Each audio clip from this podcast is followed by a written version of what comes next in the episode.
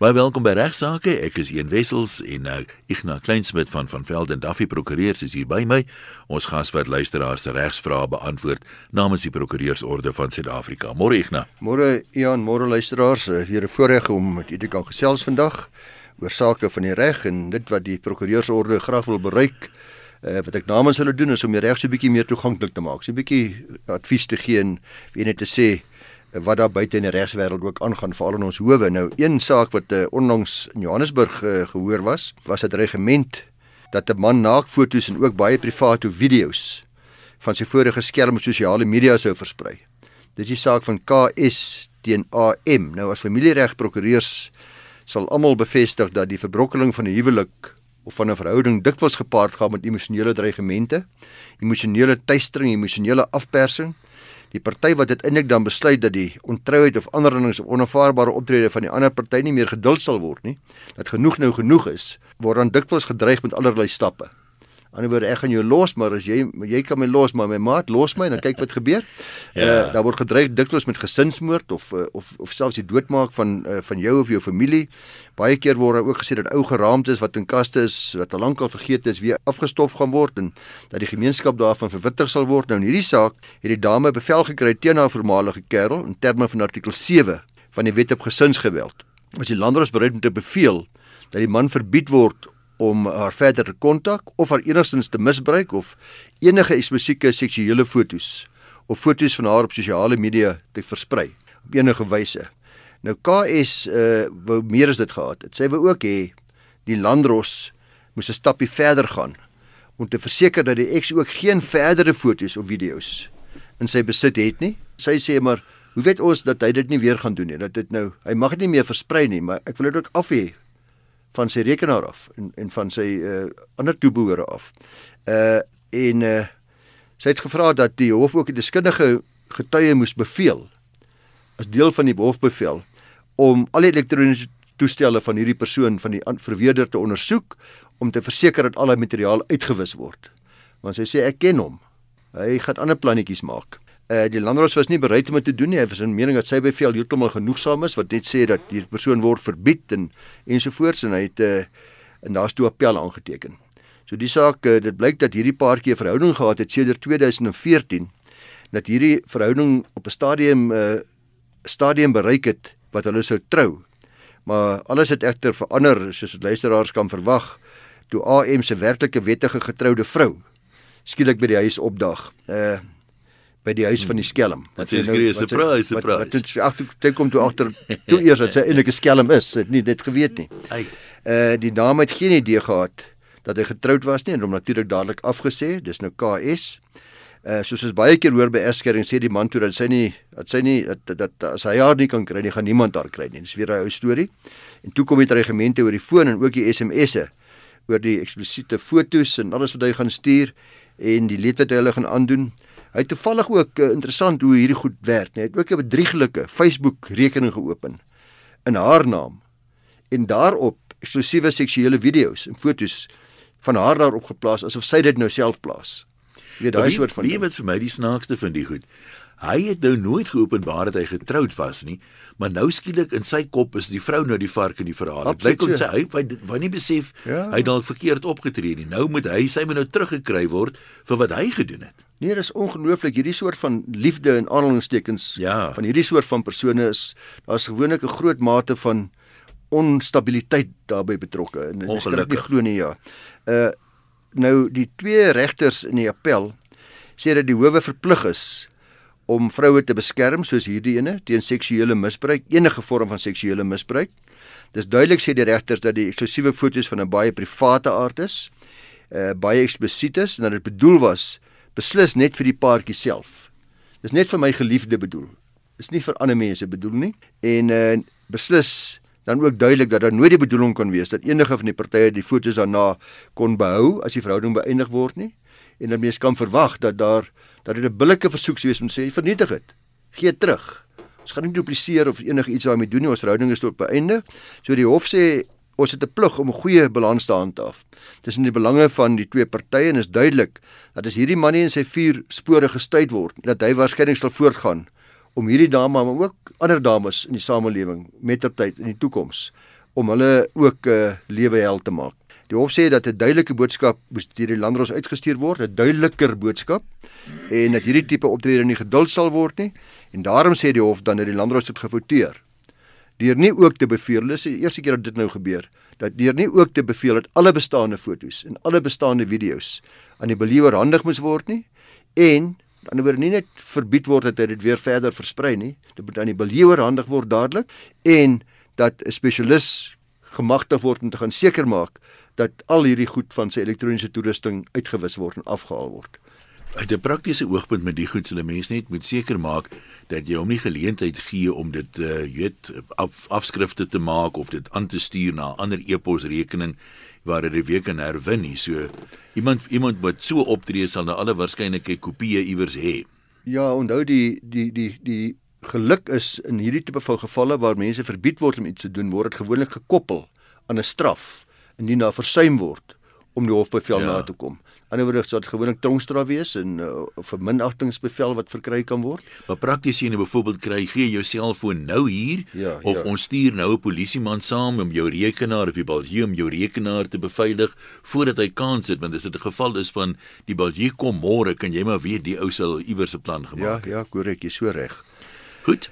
Ek het hierso bo aan hierdie stukkie geskryf hier o alle mapsticks. Ek het 'n erf gekoop. Ek het 'n erf gekoop en moet daarop bou. Ek het nie en nou wil die ontwikkelaar dit terugneem.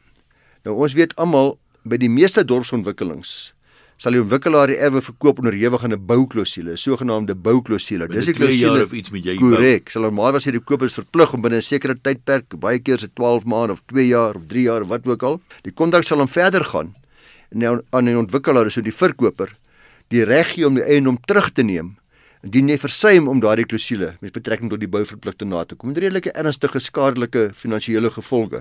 Dis dan wat gebeur het in die saak van die ontwikkelaar Bondef Midrand eiendoms beperk wat onroerende eiendomme verkoop het aan ene Pooling en Ramagopa. Hulle was verplig om binne 18 maande in terme van hul kontrak na oordrag in hulle naam te bou en hulle toe versuim om dit te doen. Nou gevolge hierdie kontrak het Bondef die reg gehad om die eiendom terug te neem, terug te eis en, ter, en dan ook in hulle self weer terug te transporteer in hulle naam. En in hierdie geval was daar ook 'n baie billike klousule naamlik teen betaling, terugbetaling van die oorspronklike koopprys, rentevry. So die voordeel is rente wat intussen verdien is op baie geld, maar daar's geen ander skade beding nie of 'n strafbeding nie.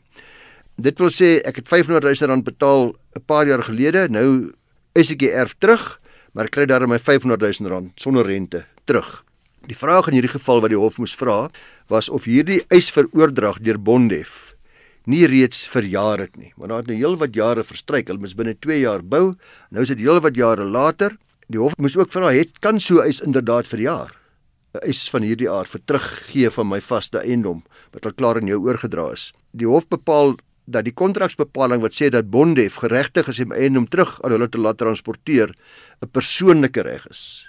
Dis nie 'n saaklike reg wat hierdie titelakte geregistreer word of genoteer word nie.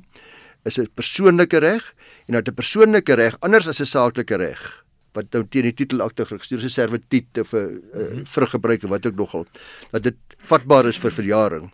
Die hof verwys ook na die akteswetgewing in artikel 63 uh, subartikel 1 wat spesifiek sê dat 'n voorwaarde in 'n titelakte wat 'n persoonlike reg skep, nie registreerbaar is nie en dat slegs saaklike regte dus registreerbaar is. So die hof wys dus die ontwikkelaar se eis vir heroordrag van die eiendom in hulle naam van die hand. Want sê die hof, die eis om hierdie eiendom terug te neem het verjaar.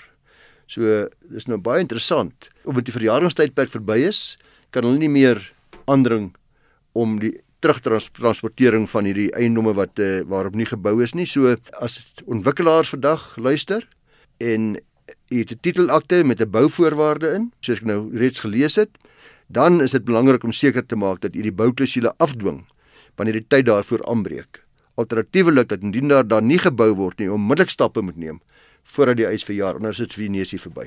In hierdie geval, die praktiese effek is nou die mense hoef eintlik glad nie te bou nie want daar's geen sanksie om hulle te dwing nie. Korrek, ja. Dis wat dis presies wat nou gebeur in die geval waar die ontwikkelaar nie onmiddellik stappe geneem het nie. Nou wat baie keer gebeur, moet ek sê, ek het dit al duisend keer gesien in praktyk, uh sal groot deel van die mense wat erwe gekoop het, het nog nie gebou nie. Dan sal hulle die prokureur gaan sien en uh, en ek het by meer as een geleentheid al dit namens sulke uh eienaars gedoen dan gaan praat jy met die ontwikkelaar en vra verdere uitstel. Dan die meeste ontwikkelaars sal heeltemal billik wees en 'n verdere uitstel verleen en sodra dit dan natuurlik gebeur moet mense ook besef die verjaringstydperk word dan ook nou weer uitgestel begin weer opnuut ja. loop en daar's nou weer 'n ja. Nuwe innovasie gewees van die vorige ooreenkoms.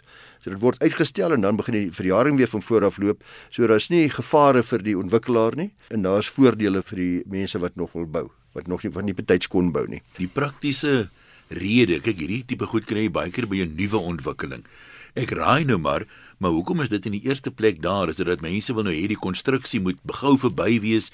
Jy wil nou rustig daar bly. Dikwels het hierdie oorde, weet as 'n private estate of iets met 'n met 'n eie karakter. Ja. Jy wil nou nie hê as jy nou daar ingetrek het, almal begin nou bou. So dit is bietjie chaos, maar jy wil dit nou verbykry op 'n stadium. So mense wat nou daar bou, jy wil nie hê na 3, 4 jaar dan moet gedurig nog altyd konstruksievoertuie wees nie. Ek raai net maar of wat is eintlik die die motivering ek daarvoor? Ek ek, ek dink in my eie geval sal ek nooit by 'n plek koop waar daar nog 'n groot konstruksie aan die gang is of wat dit nog in die volgende jaar of 3 gaan plaasvind. So ek dink dit moet die belangrikste oorweging waarskynlik wees. Mens sê, weet jy wat, ons gaan nou rustigheid hê hierdie en so hoe gouer hierdie hele projek afhandel word natuurlik. Ja. Uh hoe gouer is dit uh, beter is dit vir die ontwikkelaar en vir die kopers. Want daar is dikwels praktiese goed met versekerings van huisinhoud. Baie keer vra hulle vir jou, is daar langs jou huis is dit uh, klaar gebou of, of is daar nog konstruksie want dit verhoog die risiko vir inbrake en diefstal en so aan. Ja, kyk mense wat nou 'n aftreeoorde koop sal weet, ek het al voorheen gesê vir my is dit 'n belangrike oorweging hoe ver is al die ander fases? Wanneer gaan hulle gebou word? Wanneer gaan die ja. die siekeboek daar wees en wanneer gaan die, die privaat mediese hulp daar wees ensovoorts ensovoorts.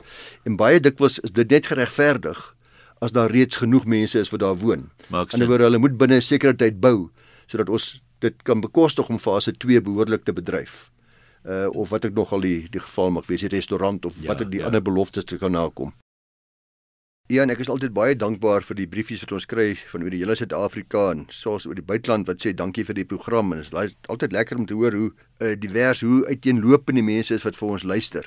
Dis duidelik dat daar ook 'n beduidende aantal gevangenes is in ons gevangenisse wat ook na hierdie program luister en ook aan hulle dankie dat hulle inskakel. Uh ek het nou 'n brief gekry van 'n groepie gevangenes van die bekende Sun City gevangenes.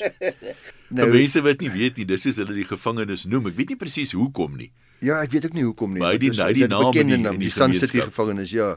Nou die gevangene en hy gee sy naam en sy nommer en alles vir my. Hy sê dat hulle gereeld maandag luister hy en 'n klompie ander. En dan vra hy 'n paar vrae oor parol.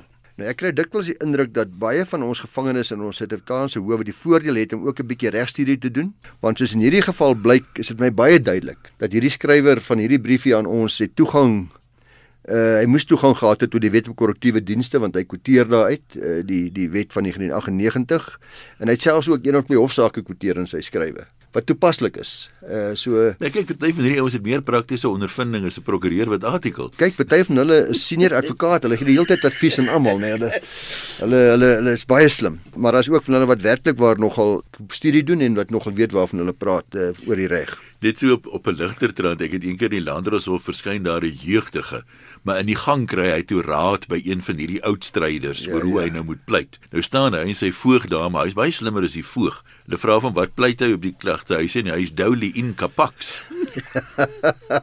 onvatbaar verskil ja, tog die jong. Ja, ja.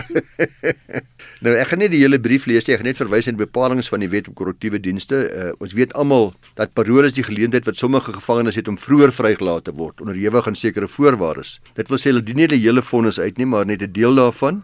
Die res word uitgedien terwyl hulle onder parole is. Dit wil sê buite die gevangenes self. Daar's natuurlik ook mediese parole wat op sy eie weer 'n ander onderwerp is. Uh wat 'n aantal uitsonderlike voorwaardes het, maar ek gaan nie vandag daarmee handel nie. Ons moet kyk na die verskillende kategorieë gevangenes en as mens nou daarna kyk dan kry ons dit in sekere gevalle gevangenes spesifiek gefonnis word deur 'n regter of 'n landros en is daar geen voorgeskrewe tyd vir vir parol nie. Aan die ander woorde, hy word uh, gefonnis sal word glad nie na parol verwys nie. Sulke gevangenes en dit is maar die meeste gevangenes sal dan 'n aanmerking kom vir parol sodra hulle die helfte van hulle vonnis uitgedien het. 50% van hulle vonnis uitgedien het. Dan daar ook 'n ander groep gevangenes wat weer uh, gefonnis word vir 'n sekere aantal jare word daar spesifiek bepaal dat tydens 'n sekere tydperk hulle nie vir parol in aanmerking mag kom nie. So die hof kan die paroolraad se werking uitskakel deur te sê hulle kan nie vir parool in aanmerking kom nie. En eers as daardie hoeveelheid jare dan verby is, dan kan hulle aansoek doen vir parool. Dit raak so 'n bietjie ingewikkeld, maar ek gaan dit tog noem omdat dit vir my lyk of dit die probleem is van die skrywers, want in hierdie kategorie gevangenes, hierdie wat nou wat daar gesê is jy kan binne 'n sekere tyd kan jy nie parool vir aansoek doen nie. En daardie kategorie kan jy slegs vir parool in aanmerking kom nadat hierdie nie parool tydperk of die helfte van die vonnis uitgedien is afhangende van watter een die kortste is. Aan die woorde Wat beteken dit prakties? Hierdie is die kortste is en nou die tydperk wat die hof gee is 20 jaar, maar die helfte van die vonnis is 15 jaar. Ja, dis korrek. Nou is die kortste daarvan met ander woorde is nou die is nou die 10 jaar, nê. Nee. Die helfte van die kom ons vat 'n 15 25 jaar vonnis. Ja. 12 en 'n half jaar sê kan hy normaalweg sê parol aansoek gedoen het. Nou die hof gesê hy kan glad nie parol kry nie. Nou sê hierdie nou sê die wet dat jy kan slegs vir parol in aanmerking kom nadat die nie parol tydperk vir die eerste 12 en 'n half jaar daar daardie deel van die vonnis uitgedien is afhangende van watter een die kortste is die nie parol tydperk of die tyd wat nog oor is. Sien nou die hof het gesê hy vonnis jou tot uh, eh, 25 jaar, maar jy kan eers na 18 jaar vir parol en aanmerking ja. kom. Dit voel vir my dit moet tog sterker wees Kijk, as die helfte. Dit word nog ingewikkelder. Dit tog met redes wat hulle behoorlik in ag geneem het. Ek het nou reeds gesê dis ingewikkeld. Ek was huiwerig om dit te bespreek omdat dit 'n bietjie ingewikkelder raak. Daar's 'n hele klompie ander reëls ook. Een ander reël is dat hierdie nie parol tydperk kan nie meer wees as 2/3 van die volle vonnis tydperk of 25 jaar. Nou o weer eens wat jy dink nog al die kortste is. Hmm. Nou hulle het hierdie aangehaal omdat dit ook vir hulle baie deurmekaar maak.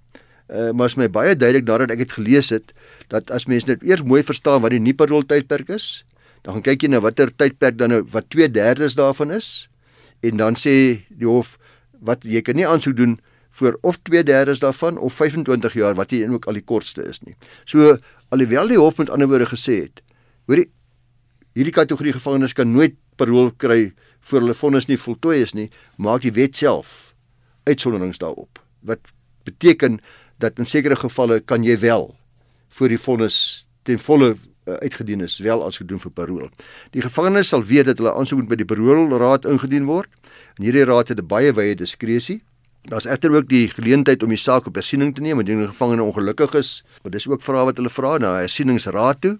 Maar 'n ander groot probleem is die verwarring wat ontstaan waar daar verpligte minimumvonnisse deur wetgewing ja. voorgeskryf word. In so 'n geval kan 'n hof kan slegs 'n hof bepaal of die gevangene op parol geplaas kan word al dan nie.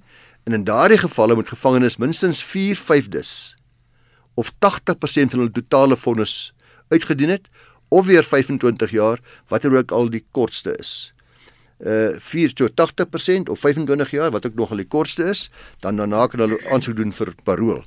Uh dis nou waar daar verpligte fondse is. Nou die luisteraar wat uh die vraag vra, val duidelik dan in hierdie kategorie. Hy val in hierdie kategorie. Hy sê hy het 'n verpligte fonds gehad van 'n sekere aantal jare en nou kan ek maar vir hom sê in sy geval 25 jaar. In hierdie geval sal dit dan minstens 20 jaar. Hy het nie gesê hoe lank hy nou al daar sit nie. 20 jaar van sy fonds moet uitdien of 25 jaar watter tydwerk ook al die kortste is, ek wil sê 20 jaar, dan sal hy kan aansoek doen vir parol. Nou, is 'n bietjie goeie nuus dat hy daarom 5 jaar vroeër dit kan doen. Dink hy verstaan dit eintlik ook so. Hy wil ek hoop ek kan hom beter nuus gee. maar belangrik is ook om te meld dat 'n gevangene altyd nog 'n hof kan nader met 'n aansoek vir parol as hy 2/3 van sy algehele vonnis uitgedien het. Dis 'n algemene oorkoepelende reël. Jy 2/3 uitgedien en dan kan jy jy dink jy's nou regtig geslaag. Uh, dis egter 'n baie baie moeilike bewyslas daar. Die paroolraad gaan nie maklik teen die hof se se duidelike aanduidings eh, bevel gee nie. Parool gee. Dis nie vir my heeltemal duidelik hoekom die wetgewer nou hierdie uitsonderings moet maak nie. Ek meen dis algemene uitsonderings. Jy maak nou hierdie wet, maar ek meen die hof het tog 'n goeie rede nadat hy nou alles in ag geneem het, wie die persoon is, sy idee gekry het van sy karakter en so aan. Ja. Hoekom dit nou doen? Ek weet die tronke is vol en so aan, maar ek verstaan nie regtig wat die oogmerk van die wetgewer is wat hulle hoop om te bereik nie. Want ek dink die as jy na die publiek toe gaan, Uh, Natuurlik is daar iets soos rehabilitasie en weet daar jy dien jou straf uit en jy moet weer in die samelewing opgeneem word, maar ek dink die gemiddelde luisteraar vandag sal waarskynlik sê laat hulle liewer langer sit as korter, want jy hoor so baie van die paroolmense, hy's nog uit op parool en hy alweer in 'n misdaad betrokke. Ja, jy's 100% reg, Ian. Ek eh, deel ook daai sentiment van jou. Ek dink mense moet maar aanvaar dat jy net die woorde vol tronke genoem. Ons tronke is werklik waar totaal totaal oorbevolk. oorbevolk en ek dink dat as jy ook kyk na hierdie reeltjies elke nou en dan word daar weer 'n nuwe reël gemaak. Die wet is net met een slag gewysig nie word gewysig. Dink is weer om om 'n nuwe kategorie gevangenes te skep dat ons weer al hierdie klomp ouens kan uit die stelsel uitkry. Dieselfde met amnestie wat deur die staatspresident gegee word van tyd tot tyd. Dan is almal geweldig ontsteld maar gewoonlik is dit praktiese oorwegings oor Daar's nie meer plek vir ons gevangenes. Ons het nie geld om nuwe gevangenes te bou nie en uh die die omstandighede raak regtig haglik. Mens moet ook onthou dat uh parol beteken nie dat ek nou heeltemal vry is nie. Ek sien nou skielik nou los nie. Daar's heelwat paroolvoorwaardes wat baie streng nagekom moet word. Indien dit nie behoorlik nagekom word nie, dan word 'n persoon weer terugtronk toegeneem. Dit gebeur baie gereeld. Ongelukkig is dit so soos jy sê, die misdaad word eers weer gepleeg deur die ou wat op parool is, maar daar word baie stappe geneem om te verhoed dat dit gebeur. Met baie gereelde kontak en baie gereelde verslae wat nagekom moet word.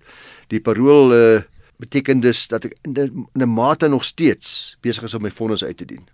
Nou, hoe meer ek praat, hoe meer besef ek dat hoe ongewikkeld parool kan wees en daarom wil ek net afsluit deur te sê, altyd maar die beste om 'n strafreg spesialis, 'n prokureur, ja. hieroor te nader wanneer u dink dat u wel vir parool kwalifiseer. Die ander ding natuurlik is ons as lede van die publiek, dis net die gevalle waar dit nie werk nie, waar iemand weer 'n misdaad pleeg wat in die pers blootstelling kry. Nou lees 'n ou dit dan sê jy dadelik, ja, tipies, maar daai gevalle waarvan jy lees kan teoreties net 1% van al die gevalle wees wat dit 'n groot uitsondering maak, maar ons is geneig om te dink dit gebeur gedurig. Nie dat ek syfers daaroor het nie, ek sê maar net ek dink 'n mens moet moet mooi objektief daarna kyk en dit in perspektief sien. Ek dink uh, ek sou bly jy sê dit want uh, ek het al mense teëgekom wat ge behoorlik gerehabiliteer is wat 'n baie mooi bydrae tot die samelewing maak. Ek dink net maar sommer dis nou gaan nie oor pereel nie, maar ons verspring wêreldkampioen was 'n totale dwelmverslaafde. Hy's gerehabiliteer en vandag is ons almal baie trots op hom. Ek gaan soos 'n baie voorbeelde van gevangenes wat werklik daarna weer hulle sukkel natuurlik. Dit is een groot probleem. Sodra mens die rekord het ja, van die van van die etiket van gevangenes dan is daar baie min mense wat jou geleentheid wil gee om weer te werk. Uh, maar daar is baie mooi suksesverhale, baie mooi. Miskien kan ons op 'n stadium met 'n kriminoloog gesels. Dis 'n goeie oor straftoemeting in die algemeen, want daar is ook baie mense wat sê as jy na die landdroshowe kyk, hierdie kort vonnisies van 3 maande of 6 maande, al wat jy eintlik bereik, hulle sê baie mense, daai ou gaan nou tronk toe, maar nou leer die ou skelms leer hom nou nuwe triks daar binne. Die ou verloor dikwels sy werk, hy kom uit, hy het steeds die stigma om sy nek. So ek weet nie wat se alternatiewe daar is wat mense sal weet wat afskrikwaarde sal hê nie, maar die feit dat die tronke so vol is op sigself sê miskien vir 'n mens dat dit nie die afskrikwaarde het wat dit behoort te hê nie of hoe. Ja, absoluut. Ek sê 100% saam met jou. So dan kan ons 'n toekomstige program ja. Dit is 'n goeie plan. Dit is, is 'n baie goeie plan. Dit sal interessant vir my wees. Prakties daarmee werk of 'n maatskaplike werkster of iemand na jou toe. Ons sal dit reël. Uh in 'n nuusbrief van kollegas van my met die naam van Blyk Bester de Wet in Jordaan, 'n bekende prokureursfirma, vra hulle 'n interessante vraag. Hulle vra wat nodig is dat werkgewers wat aandring op psigometriese toetse van potensiële werksaansoekers of uh of so toets dan gesertifiseer moet wees uh of hulle daarop kan aandring. Nou 'n psigometriese toets word oor die algemeen gebruik om 'n persoon se persoonlikheidskenmerke of persoonlike karaktereienskappe te meet. Dis nou aspekte soos jou werkstyl of jou werkswyse, die vermoë om konseptueel te dink, uh, jou besluitnemingstyl, jou persoonlike karaktereienskap. Daar's baie dinge wat gemeet word met psigometriese toetse. En uh dit gee dan ook vir mense hier 'n klomp bykomende inligting om te kyk of hierdie persoon geskik is vir die besonderse aanstelling waarvoor jy hom of haar wil aanstel. Nou die kollegas verwys dan na artikel 8 van die Wet op billike indiensneming uh, wat die vereistes vir alle sielkundige toetse uiteensit. Dit sluit natuurlik dan nou in psigometriese toetse en sê dis verbode behalwe as dit wetenskaplik as geldig en betroubaar bewys is. So jy mag nie psigometriese toetse aandring nie behalwe as dit wetenskaplik uh, geldig en betroubaar is. Nie moet dit moet bewys wees. Nou tweedens regverdig op alle werknemers dieselfde toegepas word. Aan die ander wyse, jy kan nie vir net versekerde mense se gemeentes toetse vra en verander nie. En ek dink maar daar daar moet ook kategorieë ter sprake wees. Ek meen verkoopspersoneel en tegniese personeel het tog ander vereistes. Ja, ja, maar dit is regverdig op daardie groep kategorie werknemers, ja. korrek ja. Derdens nie bevooroordeel is teen enige werknemers of ook 'n groep werknemers nie wat ons net gesê het. En dan sê artikel 8D, dis die belangrike ene dat dit ook gesertifiseer moet word deur die Suid-Afrikaanse Raad vir Gesondheidsberoepe of enige ander liggaam wat gemagtig is om sulke assesserings te sertifiseer. Nou in die saak van Association of Test Publishers of South Africa teen die president van die Republiek van Suid-Afrika as hierdie artikel aangeval om te sê maar hoekom is dit nou nodig? Hoekom moet ander mense nou ons psigometriese toetse sertifiseer, naamlik die Raad vir Gesondheidsberoepe en net die hof bepaal dat hierdie bepaling dat sulke toetse deur die Suid-Afrikaanse Raad vir Gesondheidsberoepe gesertifiseer moet word onkonstitusioneel is en hulle dit nietig verklaar en sonder krag laat verklaar. So luisteraars, er werkgewers Artikel D is nie meer 'n vereiste vir die gebruik van psigometriese toetse nie, jy kan dit doen daarsonder.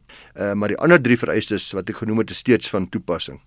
Nou blyk beste die wet in Jordaan sê dan in hulle afsluiting dat voordat jy finaal besluit om 'n spesifieke sielkundige of 'n psigometriese toets te gebruik op potensiële werkaansoekers, is dit belangrik om eers mooi te kyk na artikel 8A tot C om vas te stel of hierdie toetse daarom aan daardie kriteria voldoen en dan maar liefs 'n arbeidsprokureur te raadpleeg om jou te help om hierdie toetse korrek binne jou besigheid te implementeer. Ek neem aan die mense wat die toetse afneem, moet ook opgelei wees en correct. geregistreer wees by een of ander liggaam om dit te mag doen. Dit sal gewoonlik uh, sielkundiges wees uh, wat dit sal doen, met ander woorde gekwalifiseerde mense.